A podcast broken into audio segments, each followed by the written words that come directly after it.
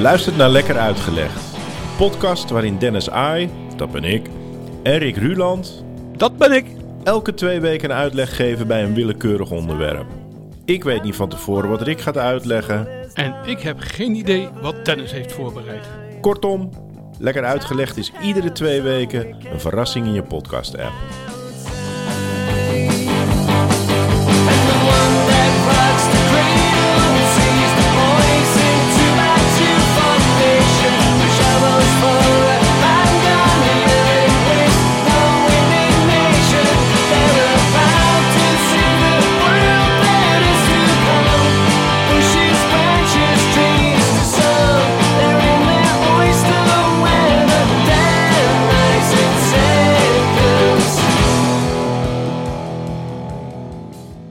De band waar wij in hebben gespeeld, de openingsmuziek die oh, de luisteraar van de podcast ook hoort, die is, eh, die is van Kolbak. Ja. Waarin wij vroeger speelden als eh, respectievelijk eh, drummer jij en bassist ik. Ja. Ehm, daar speelt tegenwoordig een andere drummer, want wij Ja. spelen allebei niet meer. Dat is Martin. Ja. En Martin, daar heb ik ook nog een tijdje mee speel- gespeeld. Martin die is eh, in een najaar eh, onder het mes geweest. Oh ja. Van- vanwege zijn hart. Oh ja. Ja. En ehm, dat was de eerste aanleiding waar dacht, ik dacht van, eh, daar wil ik wat mee. En de tweede was dat een hele goede vriendin van mij, haar dochter studeert geneeskunde. Ja. En weet iets eh, van eh, nierperfusie. Oké. En hoe brengen we dat hart nou. en dat nier dan bij elkaar? Ja, precies. Ik hoop al dat je zoiets had gaat zeggen. Ik heb vandaag een sandwich. En daar bedoel ik niet het broodje mee. Maar ik heb Ja. vandaag een sandwich. Ik begin met een. eh, eh, ik, ik vind zelf een eh, zeer intrigerend verhaal. En ik eindig met een zeer intrigerend verhaal. En daartussendoor doen we de beide weetjes. Nou, maak me gek. Ik ga je helemaal gek maken. Vandaag begin ik met een verhaal uit de geschiedenis. En we gaan terug naar circa. Nou, de kern van het verhaal zit circa 100 jaar geleden. Oké. Waar hebben we het over? Ik heb het vandaag over ten eerste Alex Karel. Niet de broer van Rudy, trouwens. Nee. nee. Maar verder zou ik niet komen met die naam. Nee, dat dacht ik al. Je zegt, het zegt jou niks. Hem de naam niet. Nee. Nee. Nee, oké. Alex Karel, eh, Fransoos, geboren in 1873 in Lyon. En hij won de Nobelprijs voor Fysiologie Geneeskunde. Dat is Ja. een beetje een soort combinatie. In 1912. Kijk aan. Dus het was een slimme man. Het was absoluut geen domme man, want hij had dus binnen eh, 39 jaar had hij zijn eh, Nobelprijs te, eh, te pakken. Nou, dat is vrij jong. Ja, dat is vrij jong, hè? Ja, Dat is tegenwoordig, moet je daar ongeveer 80 of 90 voor worden. ja en dan moet hij nog eh, heel veel werk ook eh, verricht hebben. Heeft hij ook gedaan, hoor. Ja. Even voor alle duidelijkheid. En op welk gebied heeft hij het gedaan? Op het gebied van eh vaathechttechnieken. Oké. Dus hoe verbind je bloedvaten aan elkaar? Ja. Nou, op zich denk je, nou, eh, een stukje draad, een naald, klaar. Ja, of een gaasje. We vergaan, ja, precies. Maar de vraag is dan ook, lekt het dan niet? En Ja. vooral ook, sterft het niet af? Ja, allemaal Dat goede zijn- vragen. Dus dat zijn belangrijke vragen. Nou, hij was daar dus op gepromoveerd, als ik het goed heb. In ieder geval zijn Nobelprijs ging daarover. Dat hij eh, dat kon doen, dat had, had onderzocht. Hij had nog een andere wens om te onderzoeken. Namelijk, hoe houd je weefsels en organen buiten het lichaam in leven? Oh ja, zo'n donorhart wat je dan door de, door de stad heen race. Tegenwoordig wel, ja. Ja. Ik weet dat het gebeurt. eh. ja, en hij had dus inderdaad ook een enorme interesse in, de, interesse in de werking van het hart. Ja. Maar niet alleen hoor.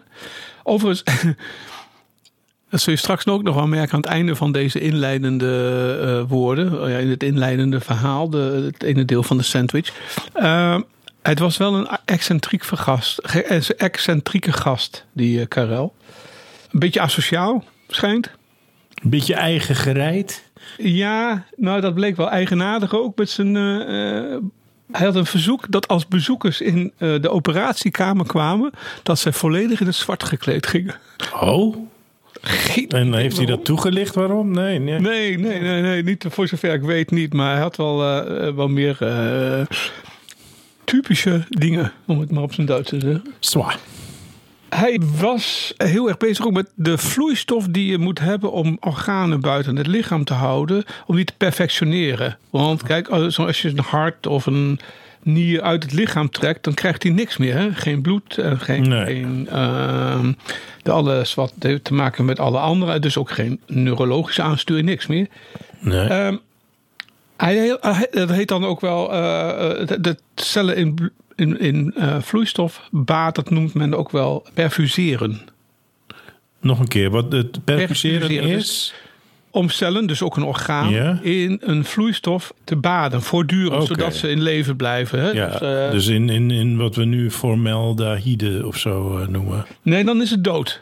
Oh, in dit geval het gaat het om ze in leven te houden. Eh, Vanwege de, nou ja, wat jij zei al, de transplantatie. Ja, Om ze in leven te houden en ook met zuurstofrijk bloed te kunnen voorzien. Dus, dus als je zo'n orgaan als een nier of een hart uit het lichaam van de een haalt en je wilt het transplanteren in het ander, dat gaat niet onmiddellijk meestal. Daar heb je Nee. wel even, dat moet allemaal ja. kant en klaar zijn. Wat je zei, even met het hart door de stad racen. Ja, Dat, ja, eh, ja, er staat dan een paar uur voor. Het moet binnen, eh, ik geloof, negen uur of zo. Ik zeg maar even wat. Dat is Ja. natuurlijk met ieder orgaan anders. Maar Ja. eh, moet dat uit het, de donor eh, naar de te ontvangen eh, persoon op de snijtafel gaan, bijvoorbeeld. En als het dan een uur langer is.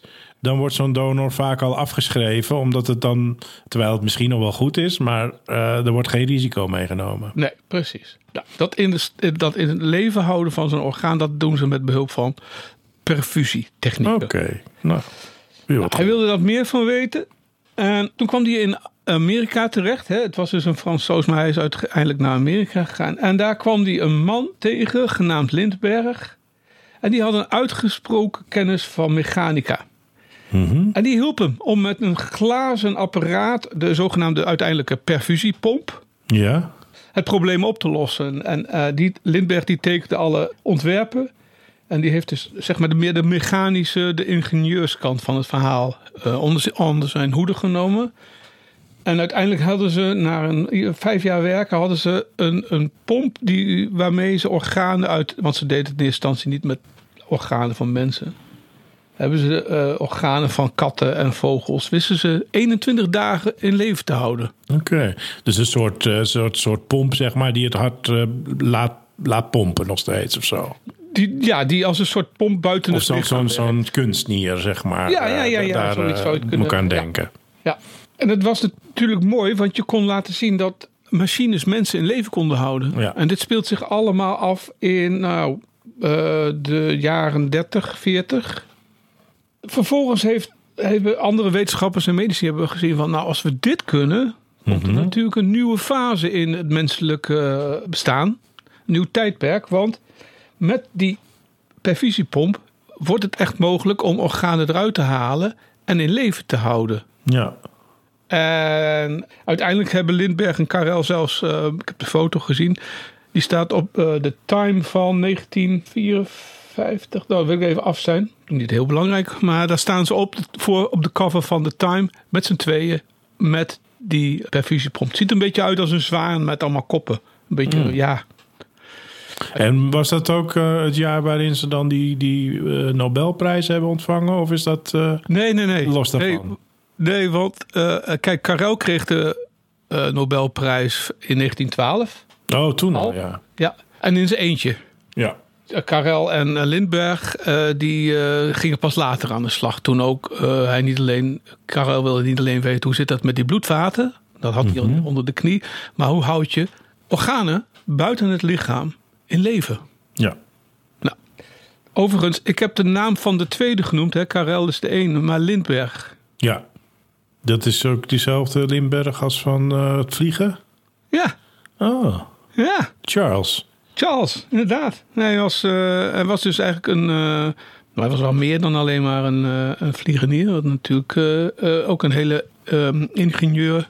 Ja. technische kant achter zich. Dus inderdaad, dat is de, de Charles Lind. En misschien ook wel iemand die met zijn naam de nodige financiers kon, kon strikken. Of eh, denk ik nu weer te commercieel? Ik denk dat je nou te commercieel denkt, maar het zou goed kunnen. Ja, Want Charles Lindbergh vloog naar Amerika, of van eh, Amerika naar Europa. was een, was een held. Ja, en wanneer was dat? Weet je Oh, dat weet ik niet meer. Nee, nee, nee. Nee, ik geloof 28. 1928. Ja. Dus het hele verhaal van de vaten tot aan met die perfusiepomp. Ja. Nou, dat heeft wel een, eh, een, een paar decennia. Ja, ja. Ja. Nou ja, even nog tot slot over Karel. Ik zei al, het is een beetje een apart eh, ventje. Mhm. apart heerschap. In de jaren 30 werd hij een fervent aanhanger van eh, de PPF. Kijken of jouw geschiedeniskennis van de Franse partijen eh, in de jaren 30, Nee. politieke partijen. Nee, hij was eh Parti Partido. Popular, dat zie ik eh, in het Spaanse. Maar dan, ja, oké. nou, dat had ik eh, kunnen deduceren. En dat was niet een frisse partij, hè? Nee, dat eh, kan ik me voorstellen. Dat was een Populisten. fascistische partij. Ja, dat was een fascistische partij in eh, Frankrijk. En uiteindelijk is hij eh, door. heeft ook eh, meegeholpen aan de uitvoering van het eugenetica-beleid van het Vichy-regime. Oké. Dus hij is in de jaren ten tijde dat de bevrijding kwam, is hij opgepakt. Maar hij is vanwege op beschuldiging van collaboratie, mede met de foute eh, eh, machthebbers in de Ja. jaren eh, 40, in de oorlogstijd, is hij eh, beschuldigd. Hij is ook vastgezet, maar hij is nog voor zijn proces in 1944 eh, overleden. overleden. Tjoh. Nou, dat, is, Nou. dat kan verkeren. Dat kan verkeren. Ja. Dat was het verhaal als openingsverhaal. Ja, als Dus, eh, introductie. Ja, als introductie. En waar gaat het vandaag over? Orgaantransplantatie. Aha. Nou, dat, eh, dat, dan heb je de juiste inleiding bij het juiste verhaal, wat mij betreft. Dat dacht ik, ja. Je luistert naar Lekker Uitgelegd. Vergeet je niet te abonneren, zodat je verzekerd bent van elke nieuwe aflevering. En het begint nu ook meteen, eh, zonder dat we nog een verder verhaal... wil ik eigenlijk alleen nog maar bij de weetjes hebben. Het, het, het loopt een beetje in elkaar over, de, de bij de weetjes en de kennis. Eh, Ja.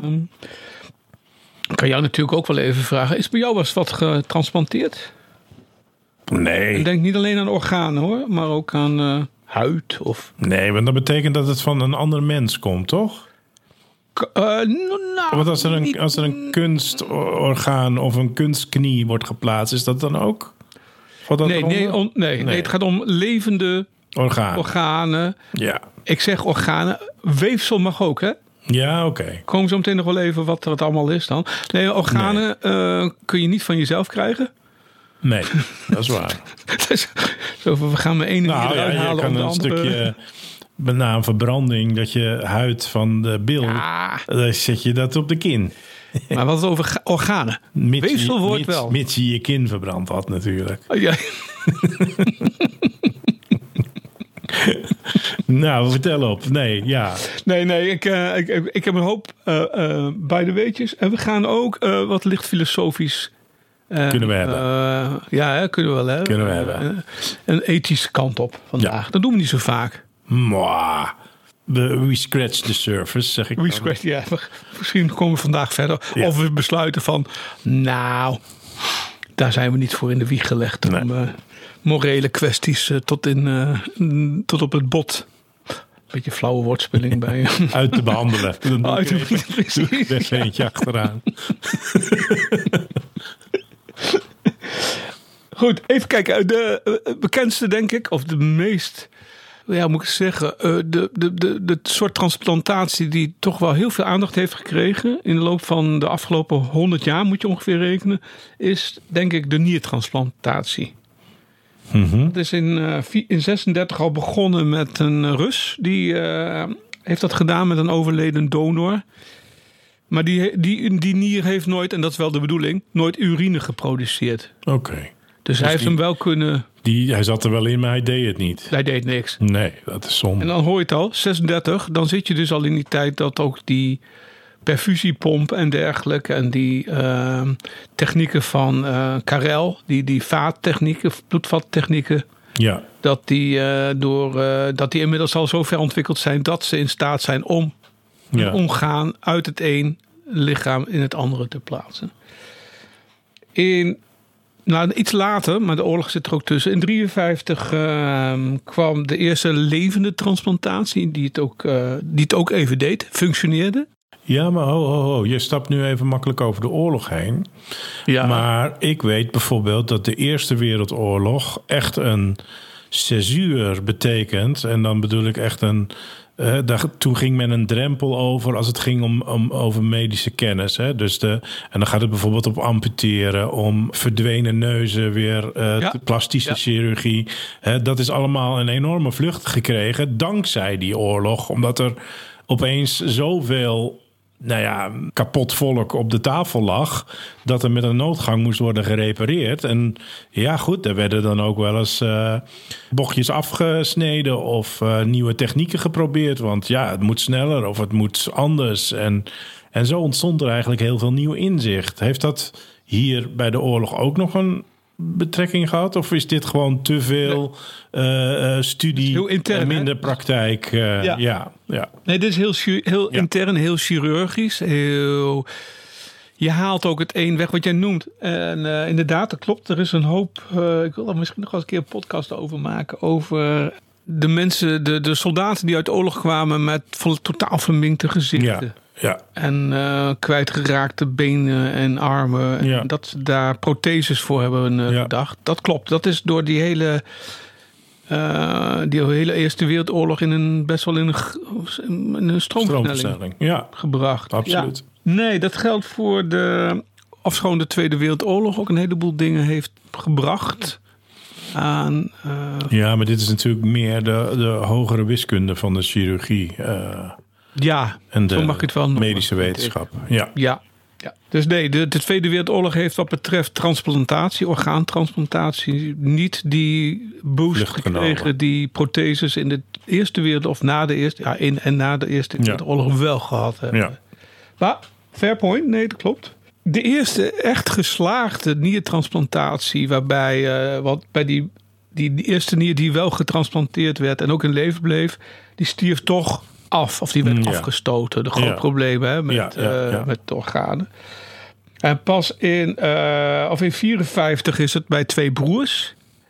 Toen begon men ook twee eh, tweelingbroers, identieke tweelingbroers. Ja, dat is meestal met. t- nee, dat is niet waar. Nee, hoeft zijn niet. altijd Ja. identiek. Nee. Maar deze waren identiek. En dat was een eerste aanwijzing. Bij hun lukte het. ja. De nier van de een werd in de ander geplaatst. En er gebeurde niks. Er was geen afstoting, geen afsterving. Men kwam er langzaam achter dat er wat meer speelt dan alleen maar goed hechten van vaten aan elkaar. Een van de dingen was weefseltypering. Mhm. Of, je wordt, of jouw orgaan wordt geaccepteerd door de ander. Heeft onder andere te maken met DNA en met andere eh, eh, dingen die je niet op het eerste ogenblik ziet. Nee. Eh, DNA werd bekend ook in de jaren 50. Dus die weefsel, of, oftewel eh, histocompatibiliteit, dus de weefseltypering was een grote factor in om te kijken van kunnen we deze donor en de acceptor van deze orgaan, organen of dit orgaan, kunnen we die bij elkaar voegen of gaat dit gewoon problemen opleveren? Want die twee zijn gewoon niet goed met elkaar te, te, te matchen. te Het matchen. moet, het moet op verschillende gebieden moet er een match zijn voordat je überhaupt kan hopen dat het kans van slagen heeft. Ja. Ja. Ja. ja. Het blijft natuurlijk altijd een vreemde, eh, een gevaarlijke eh, bezigheid. Hè? Ja, ik geloof dat je ook eh, enorme sterke medicijnen ook moet slikken om, om het eventuele afstoten dan tegen te gaan, zeg maar. Nou, het is dat je. Je zit volgens mij in mijn hoofd weer, zoals gewoonlijk. maar, eh, nee, eh, ja, ja, klopt. Je hebt, ze moesten eh zogenaamde immunosuppressiva onderdrukken van de afstotingsreactie. Dus dat als jij iets Dat het inbrengt, niet, dat niet lichaams-eigen wordt eigenlijk per definitie afgestoot. En dat moet dan als lichaams-eigen worden herkend. Ja. En eh, dat is in de loop van de tijd uit een schimmel eh, is daar. ik weet niet wat die weer. Ja, de fungus. Ja, de fungus, ja. Humungus fungus. De Tolipocladium inflatum, als ik het goed eh, heb. Oh, Daar werden eh corticoïden uit eh, eh, gedestilleerd. Ja. Dat heeft daarbij gedragen aan medicijnen die zorgen dat een lichaam niet gaat afstoten. Dus Nee. geen orgaan of... dus dat was heel belangrijk. Dus de, de- die weefseltypering, die medicijnen. En nou ja, de, de, eerste of de derde, moet ik eigenlijk zeggen het eerste, was die orgaanbewaring. Nou, daar hadden we inmiddels dus de perfusiepomp. ja. van. Dus langzamerhand is steeds meer eh, mogelijk geworden om in ieder geval een deel van onze organen weg te snijden bij iemand die, eh, eh, zoals een nier bij iemand. Hè. Wij kunnen allebei een nier missen. Tenminste, je hebt er nog twee, toch? Ja, ik wel. Ja, ik ook. ik geloof het wel, tenminste. Ik heb ze niet gecheckt, maar ik ga er ook vanuit dat er gewoon twee zitten. Nog twee. Ja, je bent niet in Thailand een keer onder zeil geraakt door... Nee, nee, maar, nee, Je leest het wel een, eens, maar eh, zo'n rare streep in je buik. Ja. Nee, nee, Nee. gelukkig niet. Eh, nou, nou even een paar. Je, ik ga ze niet allemaal noemen, maar je had nog een levertransplantatie. Die kan inmiddels Ja. eh, tegenwoordig. Dat was een lange 64. wachtlijst, geloof ik, hè, die lever. eh, Ja, ja. Komen ze om nog terug op die, la- le- die eh, Lange lever- wachtlijsten. Leverwachttijden. Nee, de wachtlijst. wachttijden. eh, ja, Donor, wou ik zeggen. donorwachtlijsten. Donorwachtlijst, ja. Ehm, in 66 alvleesklier. eh, transplantatie. En grappig genoeg vind ik toch wel dat het nog wel relatief laat was. De darmen, Ja, dat zou ik ook denken. 80 pas. Was pas Ja. in 1988. Ja. Dus we hebben inmiddels een eh, redelijke ervaring in het eh, ver- ver- eh, transplanteren van organen van de ene mens naar de andere. Ik kan me voorstellen dat je nu denkt: ik mis een hele belangrijke. Ja, het hart. Aha, klopt. En die ga ik dan ook als uitsmijter straks Ja, dat, eh, daar reken ik over vertellen. Want dat, daar begon het mee. Martin die met zijn... Ja, we moeten nog naar Martin. Ja. Goed, eh, we hebben al even nu een, een beetje op een rijtje gezet wat je kunt transplanteren. Heb jij, mis je nog iets? Nou ja, eh, met je ogen heb je altijd het, het hoornvlies en zo. Ja, ja. Ja, je hebt dus organen, dus nieren, lever, eh, longen. Eh, geloof ik tegenwoordig ook, hè? Alvleesklier, klier, Ja. darmen. Nou, jij noemt het hart al, die komt straks nog even terug. Maar jij noemt ook weefsel. Ja, daar heb je er nog een heleboel van. Ja. Wat zei je? Ogen? Ogen. Het hoornvlies bijvoorbeeld. Hele ogen of nee, hoornvlies? Ja. Bijvoorbeeld. ja, nee, inderdaad, oogweefsel. Ja. Nog meer? Huid heb jij al genoemd? Toen Huid straks. heb ik niet. Ja, hebben we het wel Ja, met verbranden. Dat als, Ja, ja. ja, ja, ja, ja, ja. Huid ook. ja, nog meer? Nou, bij sommige mensen eh, zou ik willen dat de hersenen ook mogelijk waren.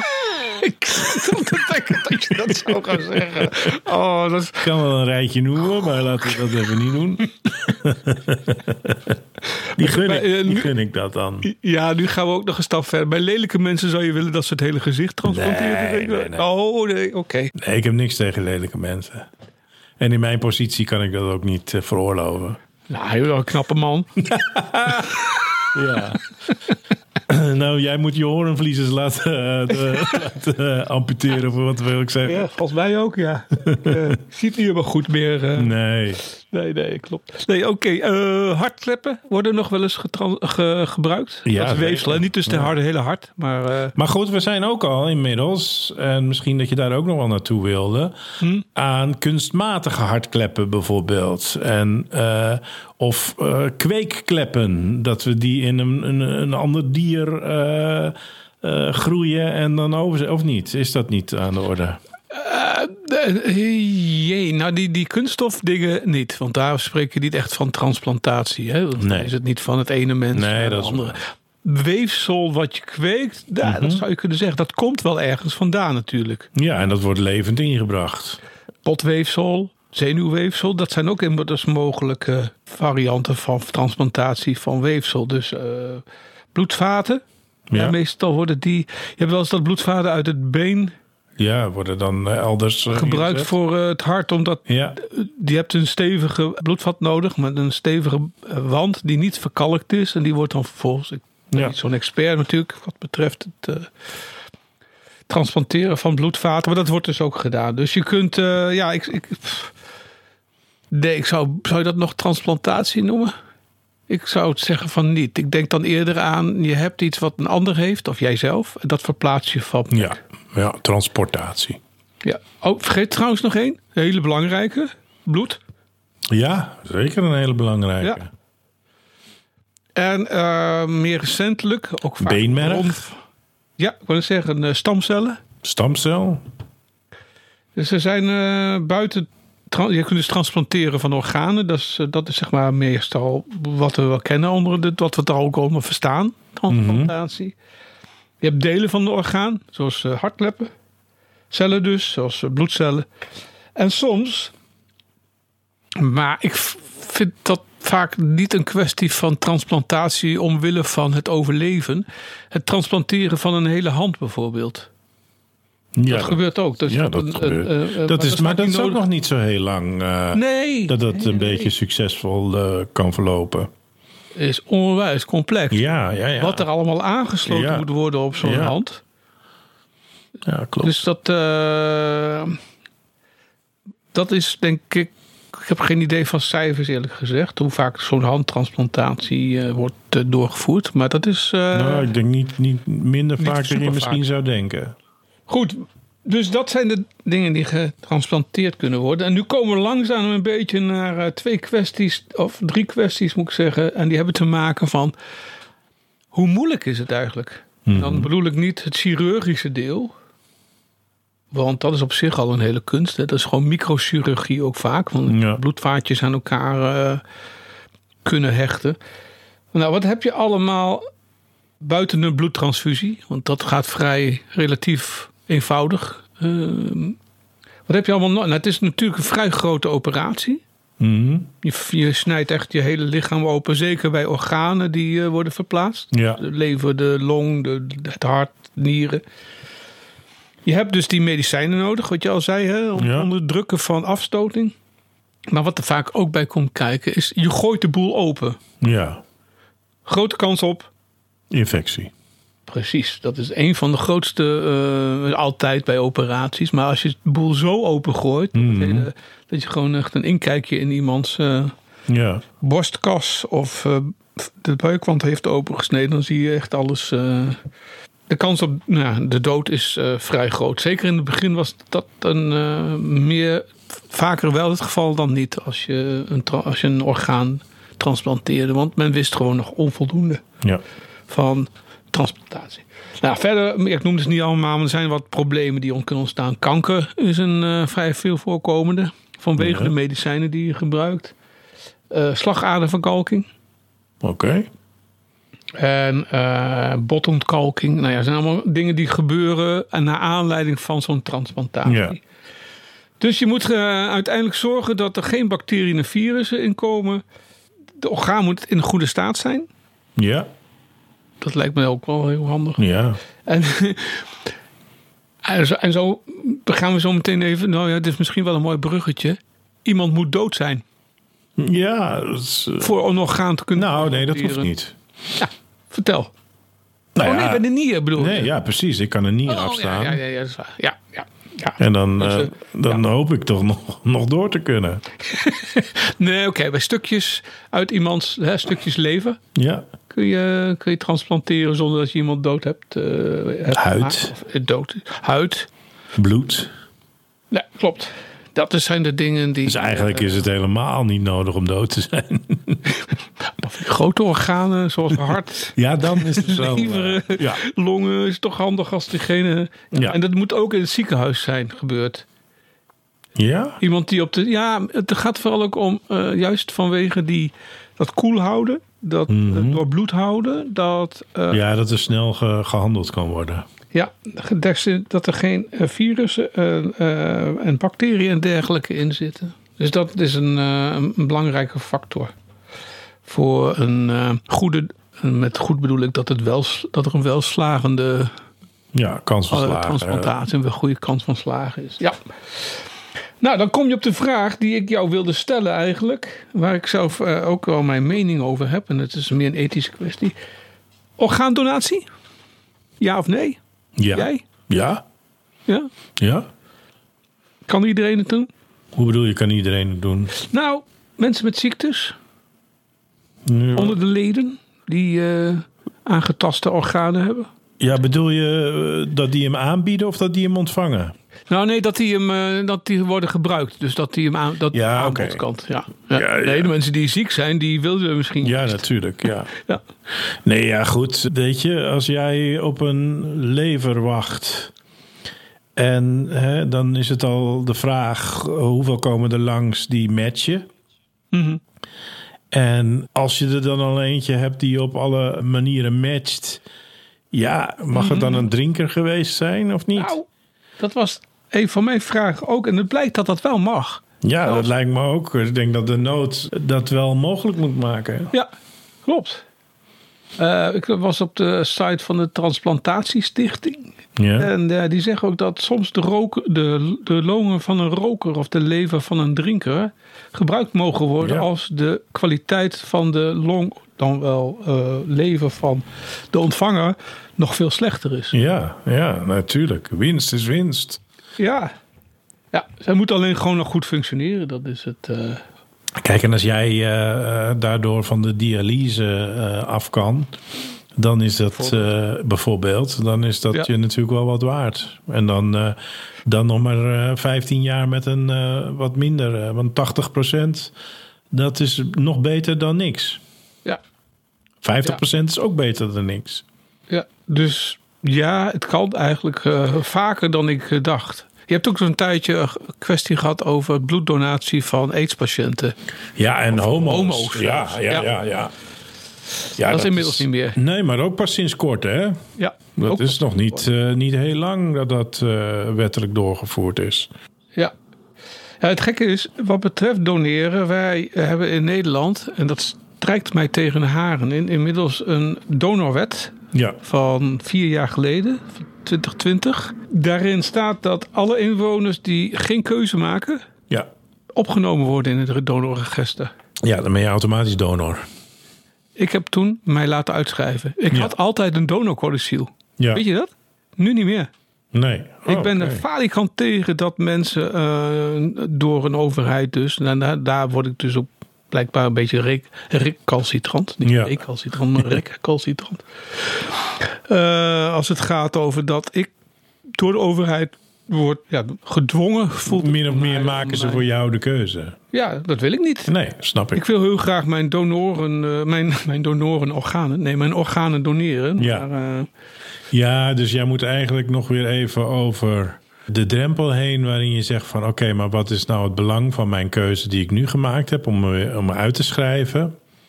Hè, met welk doel, welk doel dient dat? En dan zou je kunnen zeggen, nou, mijn, mijn eigen principe. ja. Maar je kan ook daar langzaam van afstappen en zeggen van oké, maar als ik mijn Mhm. principes aan de kant schuif, help ik daar potentieel een slachtoffer, een, een persoon die heel erg de- ja, stervende. En dat kan eh, iemand van middelbare leeftijd zijn. Dat kan een jong iemand zijn. Dat kan een oud iemand zijn. Maar in ieder geval iemand die nog een toekomst eh, heeft. Die jij op dat moment eh, niet meer hebt. ja. Dan kan je zeggen van ja, wat weegt er dan zwaarder? Ik denk dat je voor die keuze nu staat. En eh, is mijn principe mijn meerwaard of is mijn medemenselijkheid? Maar nou ga ik je een beetje eh, advocaat Nou, van de tafel op je, op je geweten eh inspraak. Nou, Niet dat ik een enorm voorstander ben van, van donoren of donor zijn of zo hoor. Dat, dat niet, maar ik, ik speel het spel even mee. Nee, dat mag ook. En ik denk dat het, eh, als iemand luistert die dezelfde soort weerzin voelt bij eh, deze manier van donor eh, verwerven, Mhm. dat we dan dat dit, dit helemaal wel kunnen aan. Misschien ga ik er wel eens weer over nadenken. Ja, want jou. kijk, je kan ook bedenken van het heeft ook een reden gehad natuurlijk dat Mhm. de overheid deze keuze gemaakt heeft en misschien niet helemaal op eigen initiatief, maar ook onder druk van de de instanties die, eh, hè, die, die zich met Ja. donoren bezighouden. En die zeggen van ja, er moet iets gebeuren anders. Hè, dan komen we niet van de wachtlijsten af. Of anders dan, dan draait het helemaal in de soep. Dus alsjeblieft overheid, kunnen jullie eh, eh, deze wet niet aannemen... zodat we potentieel meer mensen kunnen helpen. Ja. Kijk, en dan, Ja, dan, dan is misschien jouw argument van ja, ik wil niet dat de overheid voor mij een keuze maakt, is dan misschien ook niet helemaal een heel eh, sterk argument. ja, is het wel. Is het wel, maar je kan er dus de nodige kanttekeningen bij. Ik, eh, dat wil ik ook wel. Ja, ja. Ik bedoel, het moet wat mij betreft niet zo fijn ver gaan dat we gaan eh, handelen in organen. Daar hebben we onze podcast over gemaakt. Hè? Nou, wou ik net zeggen. Hebben we daar niet iets met bodybrokers? Ja, en ik Hey. weet nog heel goed dat wij die aflevering gemaakt hebben. En ik denk kort daarna, binnen vier weken daarna, stonden er hele grote artikelen over in de krant. En was er, eh, eh, was er een bodybroker eh, in Amerika opgepakt. Precies. Nou komt dat niet door onze podcast, maar ik bedoel, de actualiteit is ons niet vreemd eh, wat dat dan gaat. Ik wil toch een lans breken voor de kwaliteit van onze podcast. Nee, maar ja, dat heb ik wel Ik vaker. Dat we net toevallig een aflevering opgenomen hebben. En dan prompt zie je er iets eh, van in de krant verschijnen.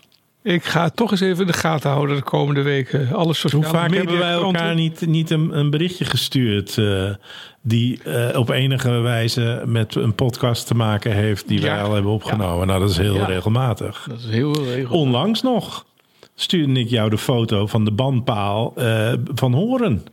Waar ik even Waar langs... jij blijkbaar eh, aan het langs ja. liep of fietste. Of... ja.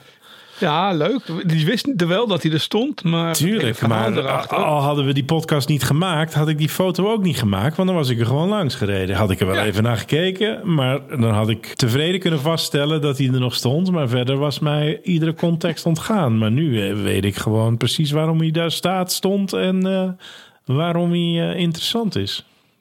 En eh, luisteraars die dat willen weten, luister maar even naar de aflevering eh, over de bandpalen. Bandpalen. Ja, precies. Nou, ik, ik, ik wil niet verder in, maar ik kan toch wel even een lans hebben gebroken voor orgaandonatie. Ik denk dat ik toch eens even na ga denken. Je hebt, jij hebt een lans gebroken, ik heb mijn kritiek geuit. Ja. Nou. Nou, Hey, ik wil afsluiten, want we komen ook langzamerhand, anders eh, gaan we te ver over onze geplande Ja, ja, ja. tijden heen. Hè? ja. Nee, ik wil afsluiten met eh, de, ja, de eerste de harttransplantatie. Ja. Dat, eh, en dat is ook het enige moment, geloof ik, in de hele podcast wat, dat ik ga zingen. Oh. Dr. Bernard. Was dat, ging dat over een harttransplantatie? Nou, dat was geschreven of dat kwam in het nieuws toen in de tijd dat. eh, want eh, die Bernard eh, in het liedje, dat is een, de naam van een chirurg. destijds, die, tenminste, het lijkt erop, Barnard heette die. Dat was een Zuid-Afrikaanse eh, ehm, chirurg, Arts? Ja. arts. En, en die komt een beetje terug in, eh, in dat liedje. Ja, ja. Eh, het- Ja, het verhaal is eigenlijk heel, heel kort. Er was een vrouw, in Denise Darval, die is eh, door een auto geraakt op straat. Ja. Ze was met haar moeder aan het wandelen. Haar moeder overleed. Zij was hersendood Hmm. tegen de tijd dat ze in het ziekenhuis kwam. Ze hebben nog geprobeerd te reanimeren, is niet gelukt. Haar vader heeft toen ge- ingestemd, eh, want hij werd gevraagd of ze dat wilde overwegen, om haar hart te transplanteren. Mhm. Daar heeft hij even over nagedacht en vervolgens eh, ja. Ja. En welk hij. jaar hebben we het over? Dan hebben we het over 1967, Oké. december 67. Ja. Ehm, de, het hart werd gedoneerd aan eh, Louis was, moet ik het even goed zeggen, Washkansky. Ja. En die heeft nog 18 dagen geleefd met het hart. 18 dagen. En hij overleed Niet aan een hart. ontsteking. Ja, ik wou zeggen, niet aan de Het is een beetje lullig, hè? Dat heb je Jeetje, ook ja, want het- Ja. Dan denk je toch van... eh, hij had eigenlijk voor, voor de transplantatie... had hij nog eh 10, 15 jaar moeten leven... om te kunnen bepalen in hoeverre die heel erg succesvol was, ja of nee.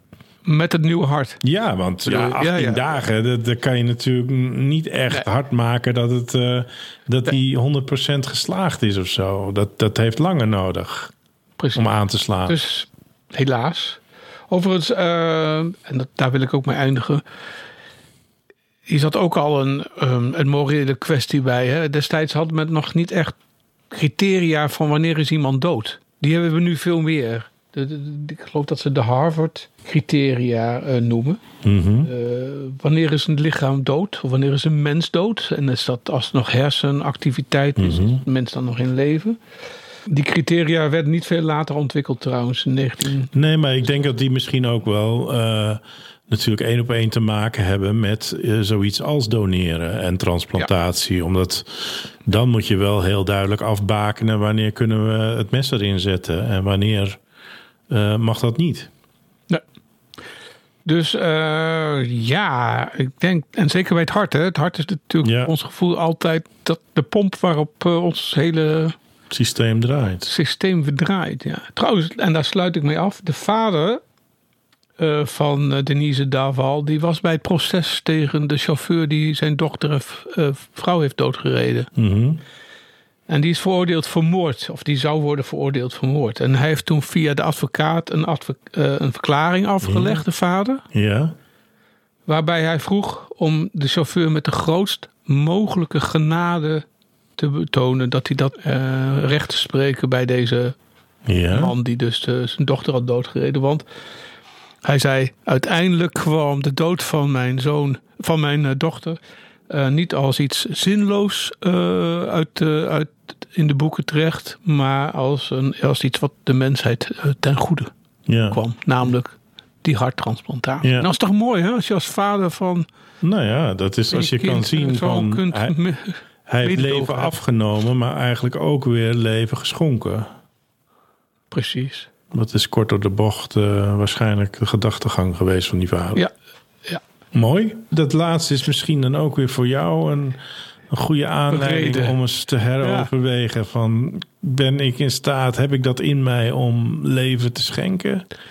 Of heb ik het in mij om mijn principe te behouden? Wat een mooie ethische, morele, filosofische vraag aan het eind... waar ik mee uh, vannacht maar eens in bed mee ga stappen en daarover ga dromen. Wel te rusten, dokter Bernhard. Slaap lekker. Bedankt voor het luisteren naar Lekker Uitgelegd. Vind je dit een fijne podcast? Laat dan een recensie achter in je podcast-app...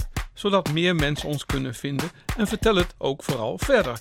Via de socials of gewoon aan een paar mensen van wie je denkt dat ze lekker uitgelegd, leuk of leerzaam zullen vinden.